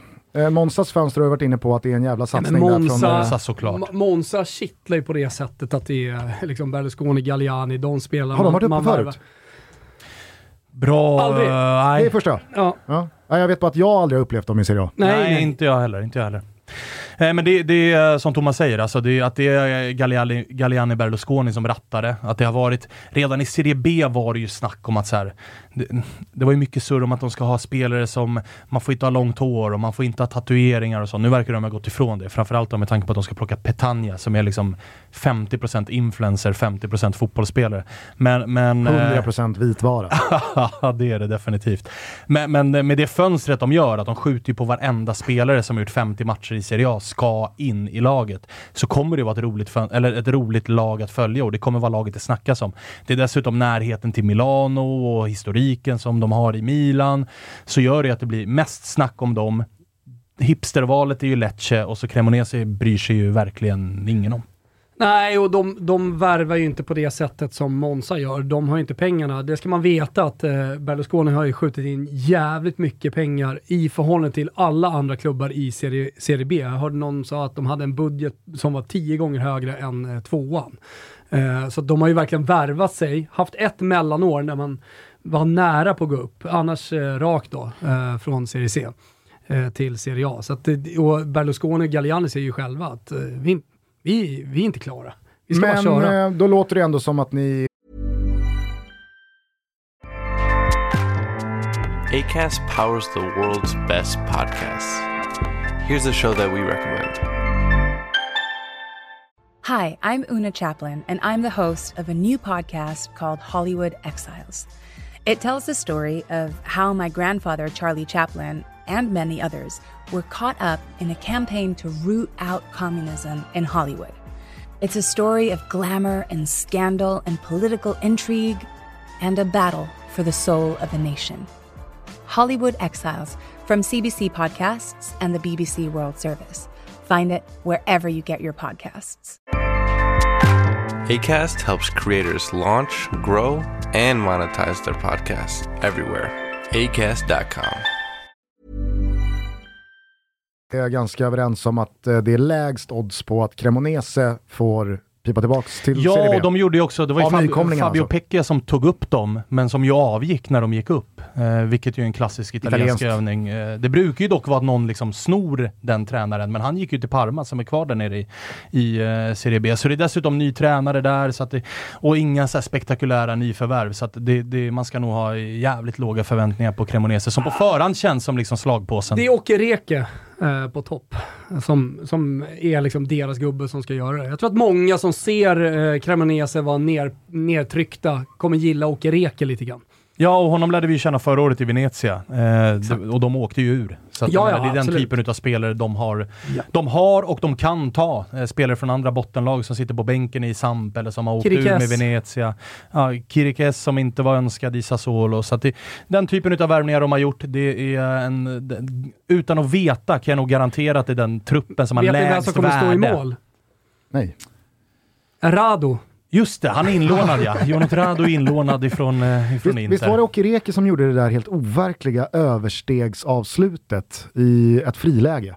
Alltså det, var, låter Det rimligt var ett ja, mål det som man liksom aldrig hade sett Ja, förut. det är absolut. Vi vevade det i Fotbollssöndag Europa som så här, det, det här är något Ja, men han, är, han, är, han är ju spektakulär där uppe på topp och han är ju, alltså av, på fem matcher är han ju usel i tre och sen är han bäst på plan i två. Förutom eh, Cremonese då, eh, vilka lag är du lite orolig för rent sportsligt som du tror, eller ni tror, eh, verkligen kommer få slåss om det där kontraktet? Nu, nu fattar jag också att ni räknar ju inte in Lecce eh, och Monza i, i Serie A 23-24 eh, innan vi ens har börjat spela om det, men utöver då nykomlingen. Nej men där ska ju Salernitana nämnas som ju gjorde en helt jävla sanslös Great Escape förra året. Men de har ju kvar Nicola och vi vet ju hur det brukar gå. Han ska ju få sparken efter att han har räddat ett lag kvar för att han är ingen tränare som man ska inleda en säsong med. Han kommer ju inte sitta kvar när eh, vi går in i 2023. Det är man väl helt, helt övertygad om. Dessutom även där då ett, ett eh, relativt svagt fönster. Eh, man har tappat Ederson, sin bästa, absolut bästa spelare på mittfältet som gick till, till Atalanta. Eh, det har inte kommit in särskilt mycket spektakulärt i det laget heller. Så att det, de, Salernitana kommer såklart få det svårt. Det är ju det klassiska andra året och, och det är fortsatt lite halvrörigt på, trä, eller på presidentposten. Vi får väl se lite grann vad vad de kan göra här på slutet av fönstret. då, då är det väl några bänkade spelare från lag i mitten och övre halvan som kanske blir tillgängliga. Men, men det laget de har just nu och den tränaren de har just nu så, så håller jag nog Salernitana som ett av de tre lagen som åker ut. Monza ger man ju bäst chanser att att hålla sig kvar. Och Lecce mår ju bra. Det ska man inte underskatta hos en nykomling. Empoli tar sina 40 plus utan att man inte riktigt fattar hur och när i år igen eller? Ah, den är också lurig, för att där har ju också... Andreazzoli fick ju märkligt nog gå efter att ha gjort en jävligt fin säsong. Spelade Zanetti bra där. fotboll eh, och de plockar in Zanetti som ju inte lyckades rädda kvar Venezia. Man har dessutom tappat spelare som har varit viktiga för dem. Framförallt kanske Aslani som, som har lämnat för Inter. Så att Empoli också... Får se vad som händer eh, med Surkovski också, Mm. som var viktig för dem. Ja, men är eh, bra att du tar upp dem, för att. Empoli är också ett lag som, man, som nog ska vara ganska oroliga. Det har ju osat lite katt om båda lagen från eh, Genoa de senaste säsongerna. Nu fick Genoa lämna, Sampdoria Mm. höll sig kvar. Finns det någon risk att man är kvar där nere i, i botten även i år? Man kommer ju vara på undre halvan, men hela vägen nere vid strecket tror jag inte att man kommer vara. Det har ju, tror eller ej, inte varit en jätteaktiv sommarmercato för, Nej, jag för trodde det skulle hända mycket mer. ja, men vi kanske Nya sunt då. Det har ju kommit in eh, nya ägare ändå som Exakt. kanske har sett vad, vad galningarna har gjort där innan, när det har varit 40 spelare ut, 40 spelare in. Nu har det varit väldigt mycket lugnare. Sen, sen så vill man ju gärna tro att tappet utav Albin Ekdal kommer bli, kommer bli jävligt tungt. De har ju dessutom tappat Torsby, som ju har varit en bärande spelare för dem också. Så att Vart det, eh, tog han vägen? han drog till Tyskland va?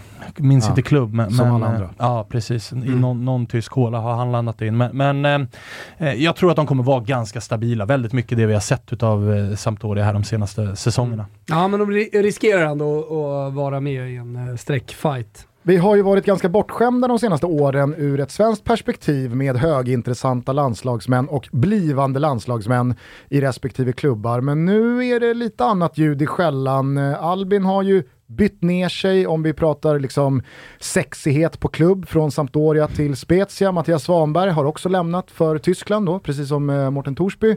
Zlatan går skadad och Dejan Kulusevski huserar numera i Premier League. Eh, så vad finns det egentligen från svenskt håll att hålla ögonen på i år? Det är väl de yngre. Eh, om det inte är Zlatan då så är det inte Du jättemycket. tänker på Maximilian och eh, Vincent? som nyss gick till Milan. Nej men det finns ju ifrån eh, Romas... har de gått till Milan? Ja det, det verkar vara på G nu att eh, sönerna Nej, de är ska... klara idag. Ja, klara idag. Ska Ja, flytta de ner till... kör U15 och U17. Så i- nu kommer familjen ner? Jajamän. Ja men det var klart för, eller jag hörde, nu var det visserligen inget som stod i tidningarna, men, men jag hörde att de hade Du flyttat, ligger ju tagit, före där. de hade tagit flyttlasset ner. Och det är väl en tydlig markering också från Zlatans eh, sida och kanske familjens sida att de eh, vill bo i Milano. Och det kanske talar också för en roll efter och sådär. Ja, Men jag eller tror- kanske att 22-23 inte är sista säsongen. Så kan det också vara. Så här Men jag tror också att det är mycket nostalgi där från Zlatans sida, att som han behöver vara i Milano hela tiden och hans tårar på presskonferensen minns vi. Ja, att han ja. verkligen saknar familjen och att han har lyckats övertala dem att komma Så ner. är det definitivt. Undra om någon Men, eh, eh, var ju- Junis-tränare på Milanello har eh, liksom, pungen att bänka. Alltså, säga. Sorry alltså, Ja, för vi- svag. Det- bå- Jag vet att du är högerfotad, men det- i så fall får du bli vänsterback. Men Nu 06 heter han i och för sig 08, Seger va, så- men ja, ni fattar. Ja, de har väl bytt va? Nu byter de tillbaks, när sen är till Italien. Tror att, Utnyttja den lilla klausulen. tror att, eh, ja, jag alltså tror att Maximilian bytte tidigt va? Eh, men jag men lä- att jag lä- Vincent skulle byta. Okej, ja, nej, men jag läste bara Adrenalin här i somras. Ja. Eh, och då så heter de ju Seger just för att de inte ska vara några Ibrahimovic och få en gräddfil här i Sverige. Ibrahimovic hatar väl inte namnet Seger heller? Nej, så är det väl. Nej. Eh, ja, Ehm, vart var vi? Jo, nej, de är- Svenskar. ja, svenskar. exakt. Eh, nej, men det finns väl två unga svenskar, eh, svenska anfallare som är, ja, men så här, står och knackar på dörren. Och då, då eh, tänker jag dels på en spelare som värvades ifrån eh, Romas akademi nu, i Joel Fölkeling Persson.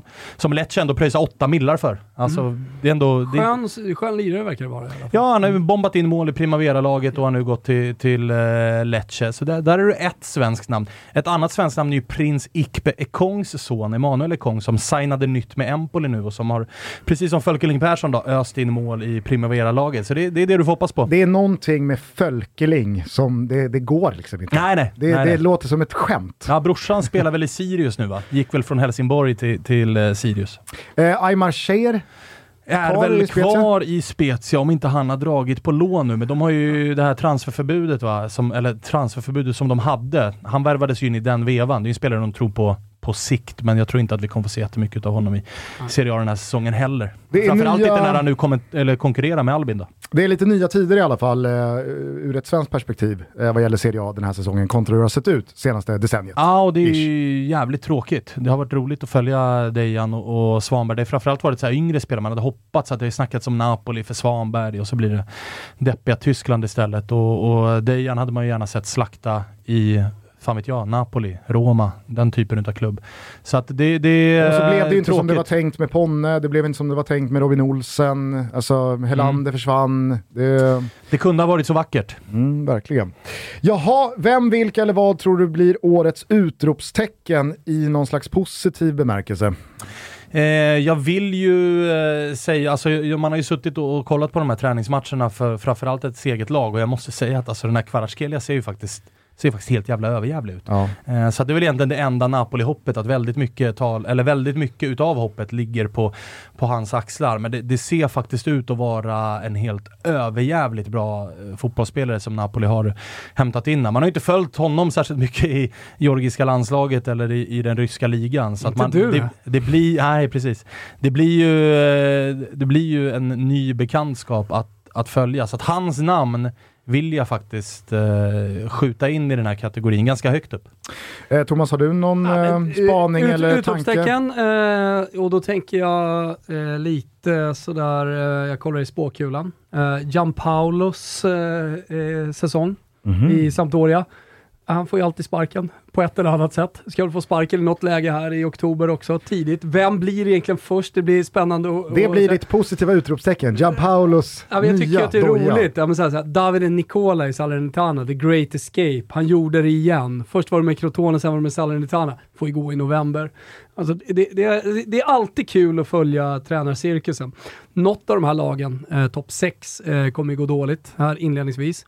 Det är inte nödvändigtvis så att det är Napoli. Skulle ju kunna vara Ja, men, det. ja, exakt. Men, men då ställs kikarsiktet in såklart på tränaren. Så är det alltid. Högsta ansvarig. Spalletti kommer ju vara i det i no, no, under någon gång av eh, hösten. Alltså Mm. oavsett om det är De Laurentiis, truppen som är för dålig, Juntoli som inte värvar. Det spelar ingen roll. Sen tycker jag att utropstecken är ju liksom att Berlusconi Galliani är tillbaka. Eh, Monza borta mot Milan till exempel. Eh, utropstecken i sig. Att se Berlusconi Galliani ta plats återigen på den där eh, VIP-hyllan. Eh, tycker jag är jävligt roligt. Det finns så mycket. Eh, det som jag kanske liksom vill lyfta mest, det är det vi pratade om med publiken. Att eh, de verkligen kommer tillbaka till de italienska arenorna. Eh, varit, Inte alla. Nej, precis. Nej, men det har varit, varit så jävla kraftgång under så jävla lång tid. Men det är många städer, både små som stora, som eh, nu upplever någon slags fotboll, fotbollshype. Eh, så att eh, man, man pratar om italiensk klubbfotboll igen i Italien utan att inleda med att allt är skit och eh, presidenterna tar bara pengar och så vidare. Kanske var bra att de brände VM igen. Ja, Alltså ur ett klubblagsperspektiv. Eh, Ja, eh, må, må, många som är sugna på fotboll som sagt. Så Små som stora piazzor. Så det, det, det tycker jag är kul. Kommer Gasperini och Atalanta motbevisa mig ännu en gång eller blir de säsongens stora besvikelse? Nej men där känns det verkligen som att... Vilka för, det- beror på det- vilka förväntningar du har. Ja men alltså så är det ju. Jag, jag hade velat skjuta in liksom Fiorentina som ett av utropstecknen. Jag tror alltså så som Lazio och Napoli ser ut, alltså då får man också använda uteslutningsmetoden. Vilka kommer vara med och kanske då kunna Mm. bråka om en topp fyra? Ja, jag, jag ser det inte som omöjligt att Fiorentina ligger och puttrar som femma och har lite häng på, på topp fyra, även om det i slutändan när det är omgång 30 så kanske de kommer vara sju det pinnar man- bakom det man- det fjärdeplatsen. man- Men det kommer ändå vara ett, ett Florens som glöder på nytt. Det är lite frågetecken på, på Lucas Torreira, men, men eh, om man lyckas ersätta honom. Men i övrigt så tycker jag att man har mycket på plats. Och det, Det- är Italianos andra säsong. Vad, vad kommer det innebära? Så det håller jag också som ett eh, potentiellt utropstecken. Mandragora som man har värvat in centralt. Eh, en målvakt som har varit lite av ett problem. Eh, Golini. Eh, som tidigare var i Atalanta. Eh, och sen eh, Dodå då från Shakhtar. Ja. Eh, hög, högerspringare var på agenten säger redan nu att det, det här är en trampolin. Han ska till en av världens bästa klubbar, typ. Eh, och sen så Luka Jovic. Ikoné har vi fortfarande inte sett så mycket av. Stort nyförvärv i januari. Eh, hyllades av samtliga. Wow, eh, den här gubben kommer vara hur bra som helst. Inte riktigt kommit igång. Eh, kvar är flera nyckelspelare. Milenkovic, eh, Nico Gonzales fantastisk eh, liksom, eh, ytter. Sådär. Så att om allting stämmer skadefritt så kan definitivt Fiorentina vara med och, och kriga om den här fjärdeplatsen. Du är väl i alla fall också inne på att Atalanta kommer bli eh, en lite Jag vet, en liten besvikelse den här säsongen. Jag, jag, beroende på vad man har för förväntningar. Mina förväntningar när de kom fyra var ju att de skulle komma sjua. Uh, förra säsongen var mina förväntningar att de inte skulle komma topp sex uh, och de kom åtta. Uh, så jag vet inte, det blir liksom ingen riktig besvikelse utan de har liksom landat där, topp åtta. Och sen något år kanske de kommer femma, något år. Men det, det är Men vi kan slut, konstatera, det är slut på topp fyra. Ja. Och om jag ska vara lite konkret kring det eh, så har jag faktiskt tagit med dem i eh, min långtidstrippel som ni hittar på Betsson, 18 bast är det som gäller, stödlinjen.se om man har problem. Eh, där Atalanta missar Europaspel, de kommer ej topp 7. Eh, så att det blir en åttonde plats förmodligen igen för Atalanta. Får gärna komma tia också, det har jag ingenting emot. Eh, och sen så Roma topp 3. De kommer vara topp fyra, det är jag helt säker på. Men jag tror att de kniper ytterligare en plats. Jag tror att eh, de här säsongsbiljetterna som snart är 40 000, eh, jag tror eh, stadens stora passion liksom som har återfunnits, som man nu har i ryggen, bara kommer vara positiv. Eh, och sen så finns det ju bara en skytteliga vinnare för mig i eh, Serie A. Även om Lukaku är där nu och eh, det kanske finns några andra. Tammy Abraham kanske når 20 mål. Giro. Eh, Ciro Immobile är såklart också en utmanare. Eh, men eh, Dusan Vlahovic vinner skytteligan säsongen 22-23. Den här trippen hittar ni som sagt under godbitar, boostade odds, där ni hittar alla andra våra säsongsspel som ni kan gå in och rygga. Det finns också boostat för de som liksom vill eh, gå ännu tyngre på Roma eh, och för all del Fiorentina som var uppat här. Fiorentina före Lazio, Roma före Milan eh, finns som dubbel. Och eh, vi har även boostat singeln. För det är det vi har pratat om hela avsnittet här. Napoli utanför topp 8. Det går riktigt klapp åt helvete för, för eh, Napoli. Kommer efter Torino typ och hamnar 9-10 där. Slåss, om slåss med Sassuolo. Vad är för övrigt eh, senaste på Torino och eh, Juric? Nej men det är Ha- att... har- eh, har de fått in? Nej, Eller är det fortfarande handgemäng? Nej, men det, var, det, det var roligt eh, när de liksom pratade på presskonferensen efter, eller sportchefen. Och han sa liksom, äh, det vart, det vart lite hett, eh, men eh, vi, vi har kramats och pussats. Och, och så har det kommit in, ja men Blanka Vlasic eh, brorsa och eh, Radonjic och, och så vidare. Lazaro har kommit in också. Eh, så, så visst, det har hänt lite grejer, men de, de behöver ju fortfarande göra eh, mycket mer för att, för att eh, Juric ska vara glad. Så är det. Svanen, är det någonting eh, du vill addera eh, till eh, det lyssnarna ska ha med sig in i den här Serie A-säsongen innan vi stänger ner butiken? Jag tycker vi har fått med det, det, det mesta. Det ska bli en jävligt rolig säsong, för jag tror som Thomas att det kommer vara tight både i eh, toppen och i botten och kring de här viktiga Europaplatserna ganska länge. Eh, alltså hela, det kan mycket väl vara så att det var hela vägen in i mål. Förra årets Serie A var ju jävligt rolig att följa med tanke på allt som hände i botten, men också med tanke på det som hände uppe i toppen. Att det var fan till omgång 37, 38 som man var så här, blir det, ska Milan tappa det här? Kommer inte inte kliva om? Kommer Milan orka? Så att det, var, det var en jävligt rolig säsong och det var dessutom, vi fick det mesta med storlag som, som haltade och, och chokade och hade det tufft och Juventus som hade kräftgång. Så att det, det kommer bli en rolig säsong igen. Och ska jag bara nämna en sista grej? Får jag också göra det eller? Självklart. Eh, Pozzo. Nej. Nej, okej. Nej. Fuck också. eh, Pozzo går in i sin eh, 27 raka Serie A-säsong med eh, sitt Udinese. Deulofeu är fortfarande kvar. Eh, en värvning som jag tycker Napoli definitivt borde kika på. Mm. Lilla ensamcirkusen från honom tycker jag är lätt på Mertens nivå. Eh, så, eh, nu när Mertens inte har varit lika bra, förstår du vad jag menar? Ja, ja. Eh, och en spelare som man definitivt ska hålla utkik efter när man ser att det är typ Salernitana och Udinese som visas på tv så tycker man att det är lite tråkigt. Beto i eh, Udinese. Älgen. Älgen fick ett genombrott, något slags genombrott förra säsongen, men jag tror att nu kommer det smälla rejält och han kommer vara, eh, eller han är redan eh, under luppen på, på storklubbarna. Så vad sa du, Pozzos 20... Sjunde år i Serie A. Förhoppningsvis De Laurentiis sista då? Vi får se, han kanske borde gå dit. Bet- Nej, det tror jag. Beto jobbade på KFC va, så sent som för fem år sedan tror jag. Är det så? Mm. Det vill jag minnas att Vicky Blomé har upplyst mig om.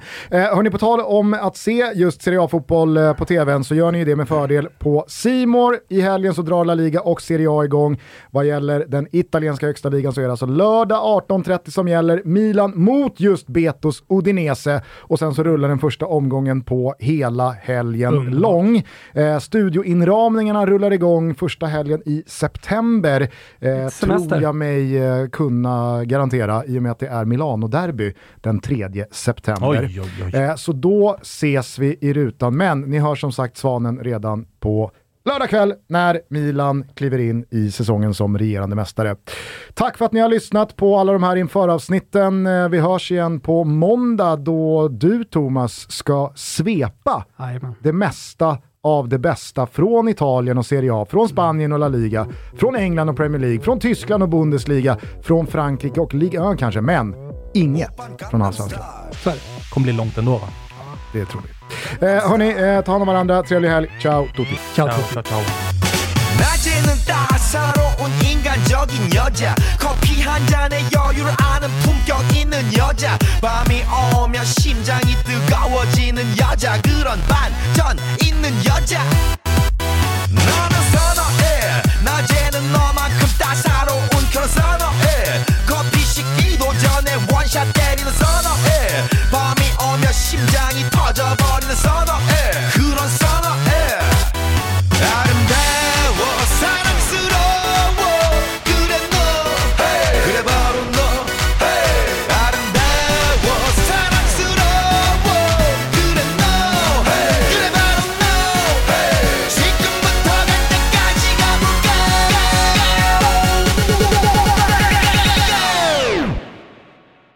오빤 강남스타일 강남스타일 오오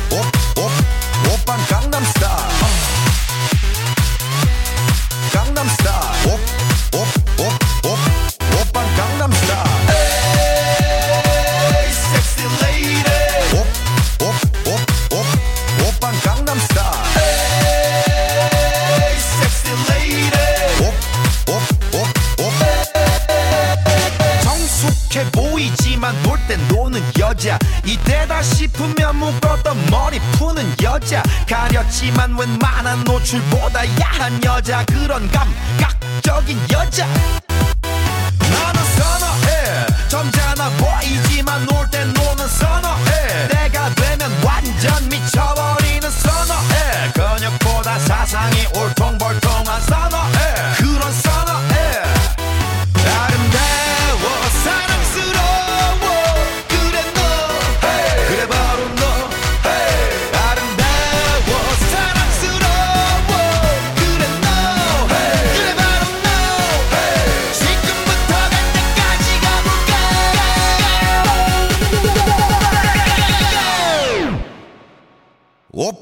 I'm star.